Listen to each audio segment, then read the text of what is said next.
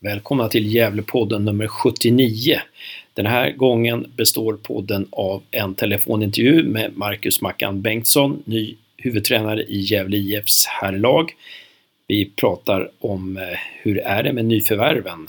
Kommer det nyförvärv snart? Varför förlängde man med Gusman just nu och inte tidigare? Lite smått och gott, hur går träningarna nu? Vad är det främst man tränar på? Och vad hoppas Mackan få se på lördag i träningsmatchen mot Söderhamn. Därefter så blir det en analys av samtalet med Mackan mellan mig och Josef och sen så pratar vi lite om vår resa söderut där vi tittar på lite fotbollsmatcher som inte hör ihop med Gävle IF. Kom ihåg nu att det är nattfotboll på Sörby IP fredagar mellan 21 och 24 varje fredag mellan den 13 juli och den 31 augusti, alltså hela augusti, varje fredag mellan 21 och 24 så eh, bjuder man in eh, alla ungdomar mellan 13 och 16 kan komma och eh, spela fotboll då. Ta chansen att vara med och alla är välkomna. Det enda ni behöver göra är att ta med fotbollsskor. Det är en jättekul satsning så att jag hoppas att ni eh, allihopa ungdomar och ni som känner ungdomar mellan 13 och 16 eh, är pigga på detta. Peppa dessa ungdomar i så fall att vara med. Ja, 79 är alltså på gång. Håll till godo. Heja GIF!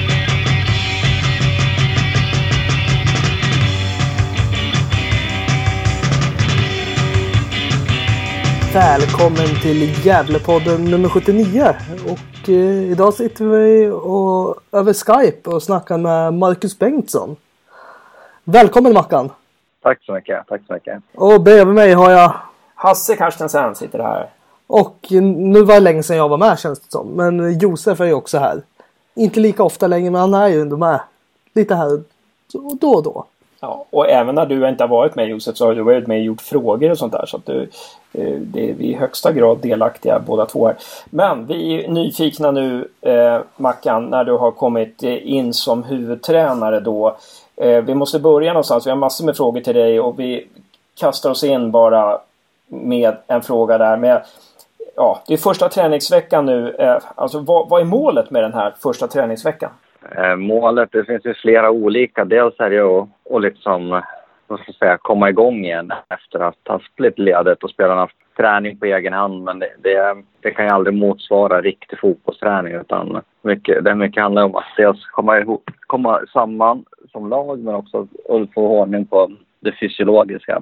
Eh, och sen så är det också, som sagt, det blir lite, det är lite nyheter med några spelare ut och en, en ny tränare duo. Så att de lär känna oss med de nya rollerna vi har också. Det är nog så viktigt. Och om vi ska gå till det taktiska då. Vad, vad har ni börjat jobba med där? Vi har faktiskt uteslutande pratat anfallsspel. Eh, och det kommer vi fortsätta, fortsätta göra veckan ut. Och sen nästa vecka jobba än mer med vårt försvarsspel. Utan, eh, har vi som sagt pratat igenom, pratat ihop oss och de har fått lite nya nya direktiv som de får, får förhålla sig till. Så får vi testa det på matchen på, på lördag mot Söderhamn och sen gå in i ett mer försvarstänk sista delen in då vi närmar oss eh, dels eh, BP i U21-serien och eh, sen Landskrona i, i serien. Varför väljer du att dela upp det på två veckor med försvarsspel och, och anfallsspel? Eh, dels så är det lite ny, nya saker som jag vill, vill få in och då kan, som, eftersom det både ska hinna med det fysiologiska men också hinna med det taktiska så, så tar det för lång tid. Det blir för långa träningar med tanke på vårat, vår tanke med, med fysiologiska, att hinna med både och. Och då, då har jag valt att, att lägga fokus på, på anfallsspelet egentligen rakt av. Är det för att anfallsspelet eller finns det någon speciell orsak att, ni, att du, du väljer anfallsspelet före eh, försvarsspelet? Alltså det, det, är flera olika saker. Dels så handlar det om att om vi sätter... Om vi kommer överens om hur vi ska göra vårt anfallsspel, då vet vi också hur det ser ut när vi ska försvara. Eh, och eh, jag tycker att eftersom vi kommer ändra kanske lite grann på hur, hur vi ska försöka ta oss fram så, så känns det viktigt att liksom lägga krut på det just nu. Men också ur egentligen ett försvarssynpunkt också att, att liksom sätter vi positionen i vårt anfallsspel så får vi lättare till försvarsspelet. Och man kan ju vrida och vända på det och säga att man kan göra åt andra hållet också. Men jag tror att för att få alla med på vagnen och liksom få bra energi i starten av det, liksom inför den här långa tuffa hösten så tror jag att det är viktigt att ha få energi som sagt och det får man oftast med unga spelare att, att gnugga, gnugga är först och främst anfallsspelet och sen därefter förklara varför vi gör som vi gör i vårt anfallsspel för att det ska se bra ut i, i andra riktningen. Och vi är ju också i ett läge där vi, där vi behöver jobba med att vinna matcher. Och eh, det gör ju oftast genom att göra mål. Har det varit din plan från början att, vi ska köra, att eh, ni ska träna anfallsspel från vecka ett? Eller är det spelarnas önskemål? Nej, nej 100 procent mitt val att, att göra det. Men jag tror att jag gör det av en tanke att det finns liksom, vad ska man säga, pedagogiskt så finns det en bra, bra tanke med det. Och det känns rätt för min del att eftersom där kommer den största skillnaden kanske vara. Därav så tror jag också att vi får bra effekt av att möta Söderhamn och kanske kan få, få chansen att gnugga på det lite extra. Vad då? Har du förändrat i anfallsspel framförallt som Johan Mjällby föredrog? Ja. Eller vad, vad, vad, om, om man jämför anfallsspelet nu mot en, för en månad sedan. Vad, vad, liksom, vad kommer vi fans se för skillnad? Ja, det, det är jättesvårt att, att ge ett klart svar på eftersom vi har, vi har inte fått sätta det i proven. Men min förhoppning är att vi kommer vara lite fler spelare lite längre upp. Vilket förhoppningsvis också ger oss möjligheten att komma till fler avslut, målchanser och genombrott helt enkelt. Så det, det är väl det, att jag hoppas att vi får fram lite spelare lite högre upp i banan. Men utan att tappa, tappa balansen bakåt. Handlar det då om er första, att ni, att ni ska vara bättre på att återvinna boll, eller? Högre upp i banan? Ja, alltså det är jättesvårt att säga exakt vad... Utan det är mer att jag tror att på det här sättet så kommer det, det gynnar alla våra spelare att, att jobba på det här sättet. Att deras bästa egenskaper tror jag kommer kunna komma fram ytterligare med att, att vrida på lite hur vi, hur vi anfaller. Eh, och så egentligen är det, vad ska man säga, det, det är lite skillnad på hur många spelare som är längst bak i leden och vilka som kommer att vara lite längre fram helt enkelt. Kim Bergstrand, han brukar säga att han har fem, sex anfallsvarianter som han vill att hans lag ska gå runt på. Är det så du tänker ungefär också? Ja, det, dels så tänker jag att vi ska, vi ska liksom hitta en, en eh, metod som är så tydlig för spelarna så att de vet precis vad de ska göra. Så att inte alla hittar på egna lösningar utan att vi gör, vi gör det vi har kommit överens om. Och eh, man kan väl kalla det att det är varianter av vägar fram. Sen hur många det är eller inte, det, det, det får framtiden utvisa. Men mest att vi ska liksom bestämma oss väldigt tydligt för hur vi, hur vi vill anfalla och så att vi gör det tillsammans. Så inte, som sagt, vi spelar olika att alla gör lite olika. Tycker du att det, var, ja, tycker att det har varit så tidigare? Att alla har liksom gjort lite olika och att det därför har blivit pannkaka av det? Eller? Nej, så jag, jag, tänker mer på vad vi, vad vi ska göra nu och vad, vad unga spelare i regel behöver. Och det är väl det mitt fokus ligger på utan, utan att kommentera vad som har varit bra eller mindre bra innan. Utan just nu så, så är det här det viktiga för oss. Mm. Du, du sa i en intervju med eh, mitt, med mitt med, jag tror det var Karin Johansson, så sa du att eh, det är viktigt att det blir kul att spela fotboll. Hur gör man det för att, för att eh, truppen ska känna att det är kul att spela fotboll? Vad, vad gör man då? Ja, i, grund och botten är det att vinna matcher. Det, det kommer man ju aldrig ifrån. Inget lag som förlorar konstant kan säga att de har det så roligt. Utan, men det, det, är viktigt att komma ihåg vägen fram till nästa match. Liksom, att man passar på att njuta, att man upp, uppskattar det fina yrket man har. Men att man också får uppskattning av dels av, av oss ledare men också av sina lagkamrater när man gör saker. Och, och, det är inte så mycket större skillnad på vad vi, vad vi andra människor som inte spelar fotboll gör, att man tycker att saker och ting är roligt. Utan det är ju oftast att man uppskattar det som görs och man får liksom uttrycka sig själv. Är det någonting du har varit based på tidigare? Att man inte kan uttrycka sig själv och inte uppskatta det riktigt? Ja, jag tänker, precis som jag sa tidigare, om att det, det viktiga för mig är det som är just precis nu. Och eh, jag, jag får jobba jättehårt med att liksom att se till att jag får det som jag önskar. Sen vad som har varit, återigen så, så, så är det inte det som är intressant utan det är intressant hur spelarna kommer få, få det och ha det just precis nu. Men hur vill du förändra klimatet så att de har kul igen?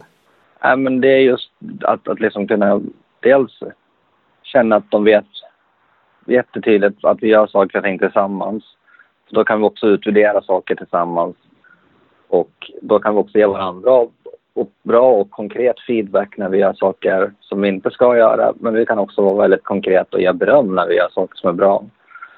Och för att veta att man gör någonting bra så behöver man också veta vad som förväntas av en. Så att det inte... Det är jätteviktigt att, att liksom våra spelare vet att i den här rollen så ska du göra det här. När du gör det då, då, då lyckas det liksom. Och då, får du, då kan du också få beröm. Då vill man göra det igen liksom. Och det handlar mycket om att liksom att ge, ge mycket feedback till spelarna. Både konstruktivt att korrigera men också när, vara väldigt noggrann med att ge beröm när, när det utförs så som vi vill att det ska göra. E- en sak måste ju vara att känna trygghet på planen. Jag tänker vi har behövt väldigt många olika startelvor, väldigt många olika backlinjer. Och är det någonstans man måste vara samspelt så är det ju liksom längst bak i banan. Är det någonting som du tänker att ja, vi, vi ska ha vi ska ha en ganska... Eller hur tänker du där när det gäller formationer och, och trygghet och, och sådär? Samspel? Först och främst så tänker jag att, att, vi, att vi bygger trygghet genom att, att ha en, en tydlig, ett tydligt arbetssätt som, som egentligen inte spelar någon roll om det är du, jag eller Josef som utför det. Utan alla ska känna sig trygga med att alla vet vad som ska göras i varje given situation. Sen så tror jag också över tid att man spelar bäst ihop med de som man utför arbetet med varje dag. Liksom. Så det finns ju en, en, det finns ju liksom ett, vad ska man säga, någonting bra med att spela med kontinuitet i, i laget, absolut. Eh, men däremot så tror jag att den största tryggheten kommer av att, att alla vet vad som förväntas av en. Har det ja. varit oklart fram tills nu? För det verkar vara väldigt mycket med att man ska tydliggöra vad som är förväntningarna. Nej, och igen så blir det så här som en papegoja. Liksom jag, jag kan bara fokusera på vad, vad, mitt ledarskap behöver och vad mitt ledarskap står för. Och det är just de sakerna jag pratar om. Och det som har varit innan är liksom... Jag är bara intresserad av det som har hänt den här veckan och veckorna framöver. Och min pedagogik det är för att jag tror att det här är bästa sättet att få, få trygghet och få, få effekt. Eh, eh, jag vet inte om du har hört i podden, men jag, jag, har varit inne på det här med att det som var kul när Poja kom in, det var ju det att det blev sån positiv fotboll. Och jag vet att spelarna också tände på det. JB sa bland annat i podden att ja, men det, vi kände liksom att när vi började pressa, det, det, då kände vi att, att vi styrde matcherna och det funkar väldigt bra för oss. Eh, och det var ju väldigt positivt sätt att spela och det var ju så som ni inledde säsongen också med eh, liksom hög press vinna tillbaka bollen och vi ska diktera villkoren och sådär. Och sen har det blivit mer och mer, alltså vi kryper tillbaka och så. Är det, är det någonting som vi kommer få se nu? En ganska positiv fotboll? Eh, ja, vara spelförande, hög press och sådär. Är det tillbaka till det eller? Det där är återigen, man blir som en, som en riktig tråk betongsosse som bara svarar runt frågan. För oss handlar det om att vi, vi, som, vi ska vinna nästa match och det ska vi göra på det bästa sättet som passar.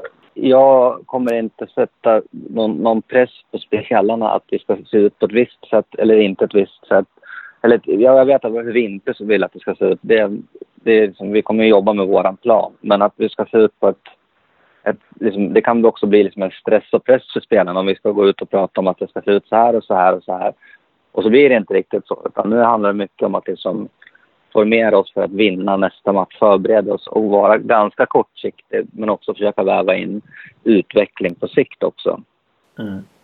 Och, och, om man skulle ta fram en detalj då som du och spelarna eh, som ni inte vill att det ska se ut då? Bara nämna en sak där. Nej, men det är väl igen så att vi, vi vill vara liksom tydliga med vad vi vill. Så att vi undviker att hamna att vi spelar, att vi, gör, att vi gör saker som vi tror kan vara bra. Eller man hittar på en egen lösning. Vi har pratat mycket om det. Att liksom, man tar som spelare runt 3 till 4 000 beslut per match. Liksom. Men vissa saker måste man komma överens om så att inte alla har en egen lösning på varje problem som dyker upp. Då blir det 11 spelare som gör saker för att det kanske passar just dem. Eller ni förstår vad jag menar. Att vi, måste göra, vi måste lösa pusslet tillsammans och minimera liksom att, att, att vi gör saker på, på egen hand. Och det är ju oftast unga spelare som, som gör det. För att de, de har inte så mycket erfarenhet av att, av att prestera på den här nivån. Men de är också liksom nya i att, att vara, som Jonas, till exempel att som är oerhört erfaren. Jag förstår ju det här. Han har upplevt det så många år. Liksom, man lägger ett pussel tillsammans och så, så jobbar man med det. Medan det kanske kommer upp en ung kille som tänker att äh, men nu blev det inte som jag hade tänkt oss, nu hittar jag på en ny lösning. Istället för att jobba på med det som vi har kommit överens om och, och, och lita på att det är det som ger oss framgång. Men kan inte det ta bort en del av kreativiteten hos spelarna? Jag tror tvärtom. att När man vet vad man ska göra, det är då man kan, kan liksom improvisera. Utan om alla improviserar, då vet ingen vad de ska göra och då blir det tvärtom ganska icke-kreativt. Utan de, de bästa personerna i det de håller på med, om det, oavsett fotboll, en regissör, så tror jag att du skulle få samma svar. Att när, när du vet exakt vad du ska göra, det är då du kan också frångå vissa principer för att lyckas med det du ska göra. Så att man ska vara kreativ inom vissa ramar? Precis, jag tror att jag vet inte, men om jag ska säga åt någon i vårt lag att ni ska rita en, en tavla nu. Då skulle alla fråga liksom, ja, men på vad? Men om man skulle vara lite mer konkret, att ni kan rita det. Jag menar, rita av ungefär det här. Jag vet inte vad jag ska ta till exempel. Rita av en cykel. Ja, men då vet alla, ja men så här ser en cykel ut. Men om alla ska sitta och hitta på en egen, egen tavla så tror jag att det blir rätt kladdigt till slut. Ja, ja precis. Ja, men jätteintressant. Um, och uh, Jonas Andersson, heter han det? Ny assisterande. Stämmer bra. Yes. Ja. Eh, Jonas Andersson, han blir ju ny assisterande tränare. Vad vill du att en assisterande tränare bidrar med? Egentligen med, alltså med, med precis lika mycket som jag bidrar med, men också precis lika mycket som spelarna bidrar med. Att, att vi har diskussioner om spelet, om hur vi är med och mot varandra, hur ledarskapet är. Eh, man får ju oftast en, en bra relation till spelaren som assisterande där man är... Ja, men det blir lite att man, man är... Jag, jag blir väl lite mer distanserad till slut till spelarna och man kommer lite närmare som assisterande. Men att Jonas flyter omkring bland spelarna och har en liksom bra, bra relation med dem. Men också att han uttrycker sina fotbollskunskaper tillsammans med spelarna och mig och är med och korrigerar och berömmer det som vi tror är bra. Så att han kommer få, få mycket att göra, men också att liksom... Det handlar ju återigen om hela teamet, men också varenda spelare. Att, att man liksom, ingen får lämna våra genomgångar och inte veta vad vi ska göra för någonting. Och där får han vara med och, och stötta mig, men också liksom att ta fram alla, allt det han har lärt sig under alla sina år i, i föreningen. Kommer Jonas ha samma roll till dig som du hade till eh, Johan? Ja, men det skulle jag nog kunna tänka mig absolut. Jag, jag vill att vi delar på så mycket som, som det bara går. Och sen ja, att, att jobba tillsammans helt enkelt. Samuel Gustman har ju förlängt idag. Uh, varför valde ni att förlänga med Gustman så tidigt på säsongen? Han skrev ett kort första avtal uh, och vi känner att uh, det var lite, hans förra år var ju ett lite, var lite problematiskt med, med skador och hur skulle han reagera på att komma tillbaka? Liksom, nu känner båda parter, han fick också chansen att känna på hur det känns liksom, om, om, han, om kroppen håller ihop så att vi inte liksom skrev ett alldeles för långt avtal till att börja med utan att vi kände lite på varandra och nu känns det som, känns helt rätt från, från båda håll. Och som sagt, en ung, ung spelare som har, som har fostrat på Sörby IP och gått alla vägar, tänkte jag säga, alla stegen från Sörby IP, Strömvallen och Gavlevallen. Som har fostrats av dig och Jonas va? Ja, det, han har väl haft fler tränare på vägen. Men han har, han har varit som sagt, både jag och Jonas har tränat, tränat Samuel. Och, och, vi fans hade ju väldigt stora förhoppningar på Gusman, men vi tycker inte han har fått så mycket speltid som vi trodde att han skulle få eh, den här säsongen. Eh, din kommentar på det? Nej, men det har ju varit som sagt en tuff konkurrenssituation och man får också inte glömma bort att, att Samuel är, det är en väldigt ung spel, fotbollsspelare som har ganska lite i, sitt, i sitt, sin ryggsäck och eh, han lär sig hela tiden och eh, tro att han ska gå från att egentligen fick hela förra året spolierat året innan så spelade han egentligen U19-fotboll och sen gå in och vara en, en spelare vecka in och vecka ut i en backlinje. Det, det är inte helt enkelt utan man får ha, ha tålamod och han lär sig oerhört mycket varje dag och kommer att vara viktig för oss både på kort sikt men också på, på lång sikt. Hur långt kontrakt skrev ni med Samuel? Det är fler, flera års kontrakt. Och det innebär? Ja, det, det får du ta med David som är kommunikation, som kommunicerar ut sådana här saker. Vi får bjuda ut David på restaurang en kväll och pressa honom ja. lite på den punkten. Det är, mer, det är, mer, än ett år. Det är mer än ett år i alla fall, okej. Okay. Det är väl ja, logiskt. Det... Med tanke på att det är flera år.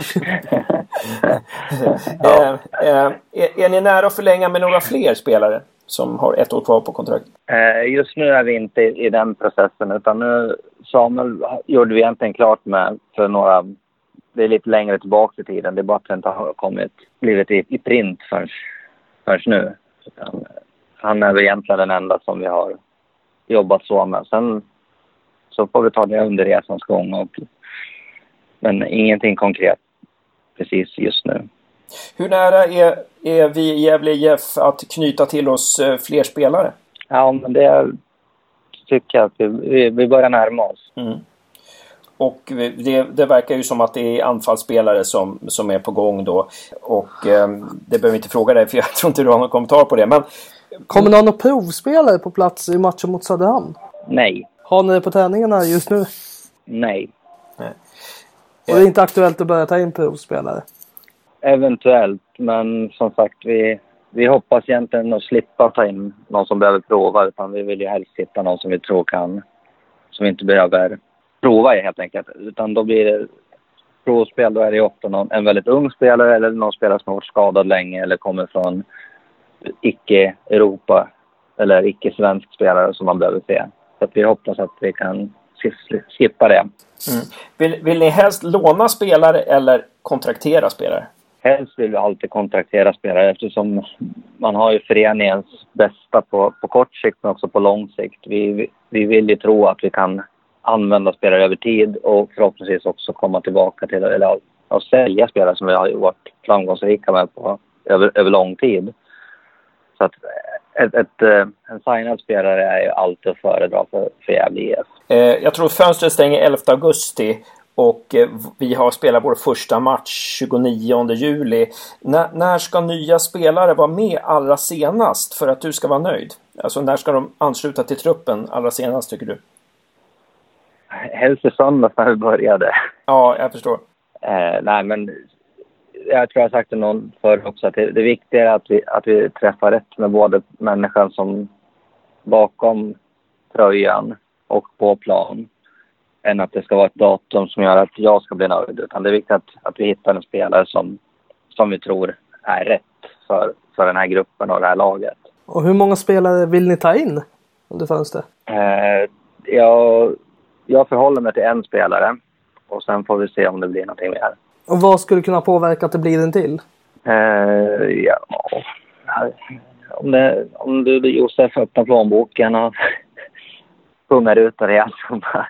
Nej, men det, det, är väl ekonomin som, som kan ändra det egentligen. Vi, vi har en liten säck pengar som vi vet att vi kan använda. Och skulle vi använda oss till fler spelare då, då blir också kvaliteten därefter. Eller så kan man använda det på en spelare och då har vi möjlighet att få, få lite bättre kvalitet. Vid eventuell förs försäljning på spelare denna sommar, skulle de pengarna då gå in på att ersätta den spelaren eller skulle det bara läggas på att klara budgeten för året? Jag tror att vi skulle försöka få ett rejält styrelsemöte kring det men det skulle nog bottna i att vi, den spelaren minst måste ersättas och kanske mer. Det, det vet man ju liksom inte. Det blir bara spekulationer. Och det, det är några kontrakt här nu som har brutits. Eh, eh, eller ja, eh, ja. Hjältes eh, Hjälte bröt, kanske kan man säga att han bröts eller att han värvades han såldes. Av, han såldes i Sandviken. Men man, ni bröt i alla fall kontraktet med eh, Igor då. Är det några fler kontrakt som kommer att brytas? Som du vet? Inte som jag vet och inte som jag önskar. Utan jag är fast övertygad, att de, eller över, övertygad om att de spelarna som vi har just nu är de som ska göra jobbet. Och sen om vi kan liksom krydda det med någon extra så, så är det perfekt. Men det är inte den spelaren som kommer att göra att vi plötsligt exploderar utan det är, det är vi som är, som är i laget just nu som, som kommer att kunna göra det och ska göra det. Och sen så får vi som sagt helt enkelt hoppas att vi kan sätta en liten, vad ska man säga, lite grädde på mosen helt enkelt. Just det. Så det innebär att inga spelare kommer att lånas ut heller? Nej, det är Adrian som kommer att lånas ut till Hudiksvall året ut. Precis, men inga fler? Nej, inte, inte min önskan, absolut inte. Uh, jag tänker, den här nya spelaren, uh, han ska komma in prestera direkt. Vad vill ni ha för spetsegenskaper hos honom? Nej, men alltså jag tror att vi, en, en, en poängspelare, om det är i, den, i assistledet eller om det är i målledet. Det är de två. Alltså den ena eller den andra brukar man få. Ska vi, ska vi vara både och, då får vi betala löner som inte är superrätt mått mätt, tänkte jag säga. Utan en, en, en, förhoppningsvis en som petar in de här lite enklare målen som, som vi egentligen behöver. Vi får jobba väldigt hårt för, för våra mål och våra chanser och försöka få, få lite mer spets i, i sista tredjedelen. Känns, känns helt, väldigt viktigt för oss. Jag tänker i och med att ni har Piotr nu som har varit en väldigt spets på assist. Han vann ju assistligan förra året. Så kanske mm. Prio borde ligga på en målskytt som kommer in och presterar direkt. Ja, du är där och nosar. Mm. eh, hur, hur pass stor är chansen att vi lånar in Bayram Ajeti från Brommapojkarna?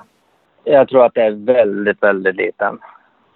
Bayram har, har troligtvis, eller vad jag vet, just nu ambitionen att inte spela Gävle IF. Utan han, vill, han siktar högre och vidare än oss. Det är större chans att IFK Göteborg lånar honom kanske?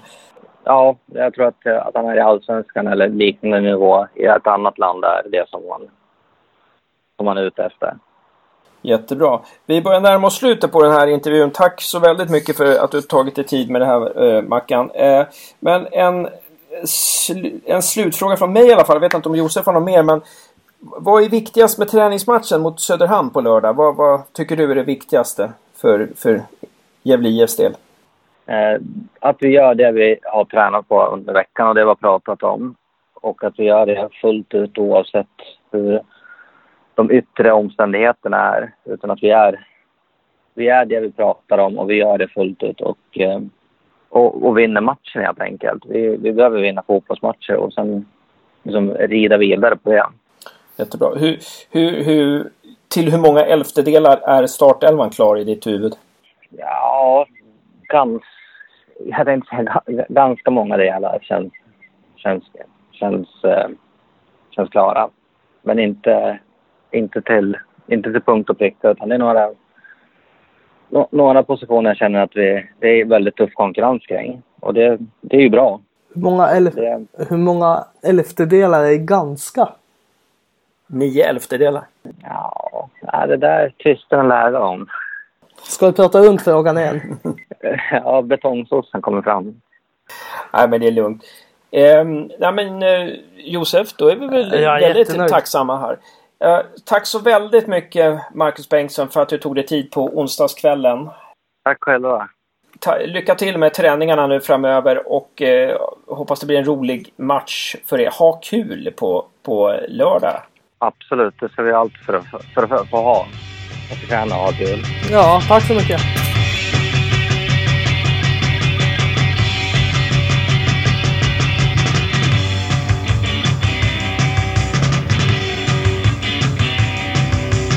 Ja, då sitter jag och Josef på hotellrummet i Malmö på vår semesterresa här och ska försöka snacka lite om veckans Gävle IF.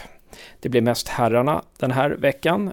Men vi kommer att uppmärksamma damerna så småningom också förstås. Men det har ju hänt mycket med herrarna. Eh, Mjällby har fått sparken, Mackan har kommit in som ny huvudtränare, några spelare har gått iväg.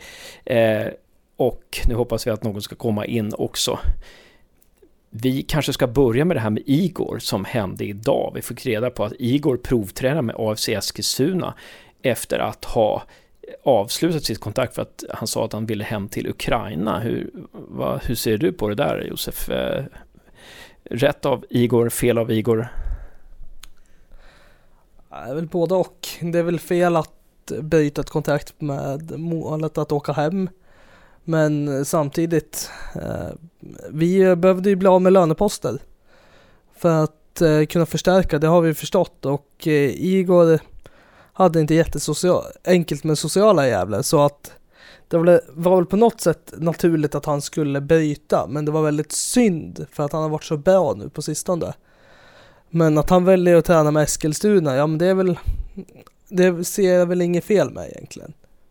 Det är bara det, om det framkommer att Igor har haft kontakt med Eskilstuna under flera veckors tid och att det här liksom ingick i planen att han skulle bryta sitt kontrakt för att komma gratis till dem. Om det kommer fram, då är det väldigt fult gjort av Igor.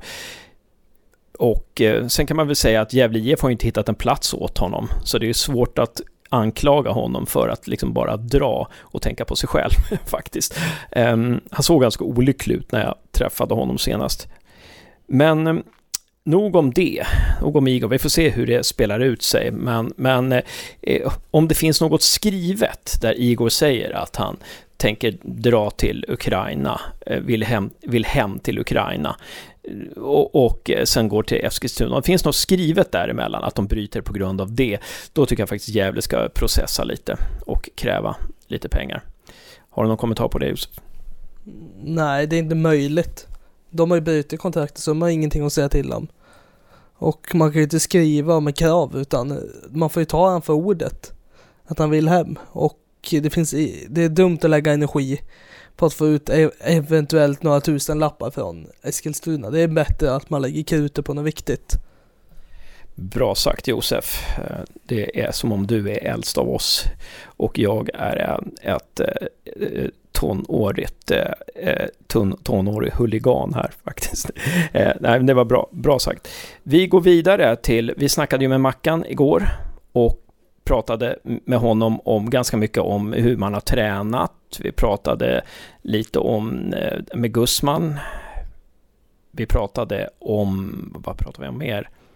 Om det kommande nyförvärvet och du fick lite så här feelings när, ja, lite undertext i det Mackan sa så kände du lite saker. Du var ganska, ja, du gjorde lite insikter som du delade med dig till mig efter, direkt efter vi hade pratat. Hur, hur, liksom, hur tänker du när det gäller nyförvärvet? Då? Vad är det för klass på nyförvärvet och sådär du tror?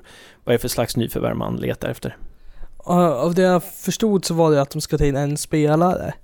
Och de har gjort sig av med väldigt många löneposter nu, är känslan. I alla fall Hjälte och Igor, det är två löneposter. Och eh, det borde man kunna få en hyfsat bra anfallare för om man lägger alla de pengarna på det. Uh, sen tyckte jag, överhuvudtaget så var det väldigt kul att snacka med Mackan igen, för det var länge sedan vi gjorde det och det var länge sedan man kunde känna att vi hade en intelligent intervju. Det var väl, man kan ställa lite mer frågor på djup till han än vad man kunde till Johan. Uh, tråkiga var väl lite att han uh, safear väldigt mycket nu som han inte gjorde förr, utan nu snackar han väldigt mycket runt. Och, men han var ju öppen med det själv, att han pratar runt frågorna. Men hur, stora hela får en bra känsla just nu. Vi får se hur det ser ut mot Söderhamn. Men jag får en bra känsla av det han säger. Och eh, jag tycker den verkar ha gjort en bra plan. Och den här anfallaren ska ju vara en poängspelare på målskyttet så ja, det borde vara en bra spelare som vi alla känner till. Ja, jag, jag, får väldigt bra vibbar alltid när jag pratar med Mackan. Det känns liksom som att det känns som att man pratar med en seriös tränare, ungefär som man pratar med Christian Järdler eller Poya Asbaghi eller, eller, andra tränare som, som man respekterar. Pelle Olsson och så vidare. det här är en som kan fotboll, en som är, förstår fotbollens eh, alla möjliga vrår. Att det handlar om gruppen, det handlar om individen, det handlar om taktik och eh, massa sådana saker. Psykologi. Så det tycker jag, jag tycker det känns seriöst när man pratar med Mackan och, och jag, jag, jag, eh, tycker att jag tror att det börjar gott inför framtiden. Sen får vi se. Intressant också att de har börjat fokusera på anfallsspelet och det är ju bra att de gör det för att eh, det har ju varit lite tröstlöst att spela försvarsspel när man vet att det aldrig, eller väldigt sällan, skapas någonting framåt. Så att det, jag tror det är helt rätt väg att gå, att man börjar jobba i den änden, alltså med anfallsspelet. Ja, det ska bli spännande att se vad det kan dyka upp för namn. Det låter ju som att det blir en spelare som inte är en chansning, det vill säga att vi kommer inte värva någon från Ukraina. Vi kommer inte att värva någon som inte är scoutad i Sverige. Vi kommer inte att värva någon som behöver provspela, utan det, vi kommer värva någon det låter ju som att vi ska värva en spelare och inte hyra in en spelare, låna en spelare. Men vi kommer värva någon som är känd sedan tidigare. Och då helt plötsligt är ju inte marknaden sådär väldigt svåranalyserad, utan då finns det ju inte sådär väldigt många man kan eh, dribbla med. Det, kanske är någon svensk utomlands som ska komma hem. Jag vet inte, har du något namn så här, Josef som du har funderat på eller? Satt och tänkte nu, eh, erkänd etablerad.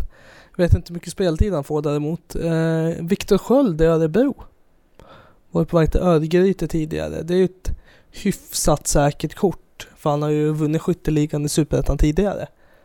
Eh, det var min första spontana tanke. Ja. Jag funderar också på några spelare. Vi fick väl där lite vibbar när vi hör att han pratar om Bara Majeti, att han inte är aktuell. Vi, alltså, no, no, det kan ju också vara så att några andra lag, några lag som ligger i botten av allsvenskan behöver rensa ur sina trupper och eh, behöver frigöra utrymme i sin budget. Eh, Sundsvall är, ligger inte i botten men, men är ett av de lag som har lite problem med ekonomin och kanske behöver rensa lite i truppen och att det kan vara där. Och Viktor Sköld var ingen dum var ingen dum gissning faktiskt. Det var ju lite snack om Viktor Sköld här om året. Men då visade det sig att man skulle lägga till, det var Gävles Instagramkonto, man skulle lägga till Viktor Frodig men råkade lägga till Viktor Sköld och då blev det en liten snackis där.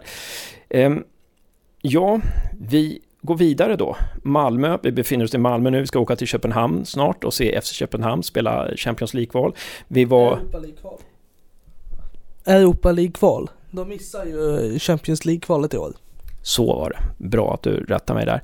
Men vi såg i förrgår så såg vi Malmö FF spela Champions League-kval i alla fall. Vi såg Erik Larsson där. Vi har ju inte varit så imponerade av Erik Larsson eh, tidigare. Vi har också sett honom live så här. Men vad säger du nu Josef? Det är väl enkelt att vara bra, att vara bra mot ett dåligt motstånd. Nej men eh, Erik han var väldigt bra den matchen men ja, hela Malmö var ju helt överlägsna mot Dejta. Det var ju inte så mycket snack om saken utan det såg ut som att de mötte ett lag sämre än oss nästan. Eh, att eh, det bara blev 2-0 handlar väl om att Malmö var otroligt dåliga i sista tredjedelen. Och ja, det är väl min analys av matchen. Sen om man ska ta hela omgivningen atmosfären arenan så var det en väldigt, väldigt fin arena. Det var första gången vi var på den. Framförallt, vi var inne i shoppen och tänkte köpa biljetter men vi blev dirigerade utåt. Men det är helt otroligt vilket utbud de har. Av souvenirer, ja, jag vet inte, matchtröjor, allt. De hade, alltså, de hade ju verkligen allt för den hardcore-supporten och marginalsupporten. Och det var, alla kan garanterat hitta någonting som man kan identifiera sig själv med i Malmö om man ska titta ur GIF-perspektiv så det, det, som inte höll måttet tycker jag, det var ju kioskerna som var sämre än GIF. Får jag säga. Och eh, det, det, eh, det, var ju bra att man, man hade ett O'Learys, väldigt stort O'Learys utanför arenan. Det var ju häftigt, som du sa igår, att det är häftigt att liksom man, man de, om man inte kommer in på matchen kan man liksom hänga i sportsbaren. Alltså det är ju ganska häftigt. Eh, det är ju någonting som, som Gävles klubbar borde, Gävleklubbarna borde titta på. Men Eh, det fanns ju ingen Carricks Corner till exempel inne på arenan. Det, det är ju helt suveränt. Det är faktiskt någonting som Gävle IF borde kunna exportera till andra. Det var ju väldigt dåligt utbud av mat framförallt. Alltså att de tog 75 spänn för en vanlig hamburgare och 30 spänn för en kokt korv. Och det, var ju, det är ju väldigt dyra priser. Jag tyckte det var jobbigt när vi åkte till Brage. Han fick eh, pröjsa 60 spänn för en jävla burgare. Och här kostar de 75. Och det var väldigt, väldigt dyra priser och väldigt ovärt. Eh, sen hade de ingen vegetariskt eh, alternativ. Eller de brukar ha det, men just den här matchen så var det bara 10 000 på läktaren och då var det inte värt, tyckte de. Eh, så det var väldigt, väldigt dåligt. Eh, men just det här med O'Learys var ju någonting att eh, locka folk till området. Det, och sen har ju de också väldigt lyxigt med att de har en ot ett otroligt stort område, arenaområde. Det är ju som, ja vi körde fel faktiskt när vi skulle till parkeringen så fick vi åka in där ambulansen brukar åka in. Så tog vi ett varv med bilen runt hela eh, stadion och det var ju helt otroligt vilken yta och vad Malmö kommun och stad tycker om sitt fotbollslag. Och Eh, som när man är inne på Intersport, att man märker vad som är prio i denna stad. Och det är Malmö FF.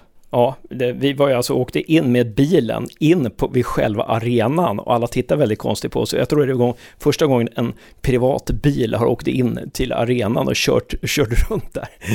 Eh, men vi, vi skyllde på att vi var supportrar till ett annat lag och hade viktigare saker att tänka på. Eh, men spelet då, jag ska bara säga lite kort, det här är ju ingen MFF-podd, men Eh, men vi, vi pratar, Erik Larsson, så pratar vi i första halvlek att Piotr är ju, skulle, att, att de inte tar in en Piotr. Piotr är ju minst lika bra som Erik Larsson, men i andra halvlek visar ju verkligen Erik Larsson-klassen och det var kul att det gick så bra för honom.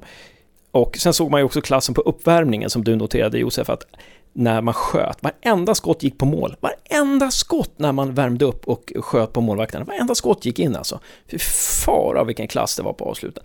Däremot så kan man ju säga att, ja, och deras MFFs defensiv var ju oerhört bra, men deras offensiv var väldigt dålig. D där får de verkligen jobba. Där var ju uppvärmningen mycket bättre. Eh, för där satt de alla skott på mål. Sen när det blev match så slutade Jeremejeff spela helt plötsligt. Och han var väldigt, väldigt dålig. Eh, det var märk, märkbart i och med att Piotr sa efter Malmö-matchen på försäsongen att eh, eh, man märker hur det är att möta klassspelare som Jeremejeff och när man ser Jeremejeff igår och övriga delar av säsongen så har inte han imponerat ett dugg. Men spelare har ju tydligen respekt för honom. Men ska Malmö klara sig bättre i Allsvenskan och ska man klara sig i Champions League-kval så måste man ju vässa sitt anfallsspel. För det här alltså Norrköpings anfallsspel är klart mycket bättre än Malmö FF. Så varför det? Jo, för att man går ju på anfallsspel. Bra anfallsspel ska ju gå på instinkt. Man ska veta vad man ska göra. Och det verkar inte Malmö-spelarna veta just nu. Nu hämtar ju till exempel eh, Bachirou hämtar boll. Många spelare hämtar boll ifrån från de bakre leden. Och eh, istället för att man spelar sig igenom lagdelarna så, så, så spring, spring, spelar, springer spelarna en och en genom lagdelarna. Och sen så tycker jag Frans Brorsson och Rasmus Bengtsson är lite för dåliga med boll, lite för dåliga offens, offensivt, för dåliga för att de kan inte vara med i spelet så mycket som mittbackar ska vara, tycker jag, för att man ska liksom få ett tillräckligt spelande lag. Men det är en ny tränare och den här Ove Rössler och det kanske blir någonting eh, bra framöver. Nej, men eh, nu ser vi fram emot eh, Söderhamnsmatchen på lördag som vi hoppas följa via ABGDs kanaler där, eftersom vi är på annan ort. Ja, vi ska bli spännande att se träningen nästa vecka och se hur det går för herrarna och hoppas att damerna eh, får eh, en bra en bra uppladdning här nu också. Nu tappar jag mig Li Winroth till USA, till studier och eh, får se om det räcker med eh, de anfallare man har, de offensiva spelare man har. Ja, men ska vi stanna där Josef? Jättebra det. Tack ska du ha, grabben. Tack själv Hasse.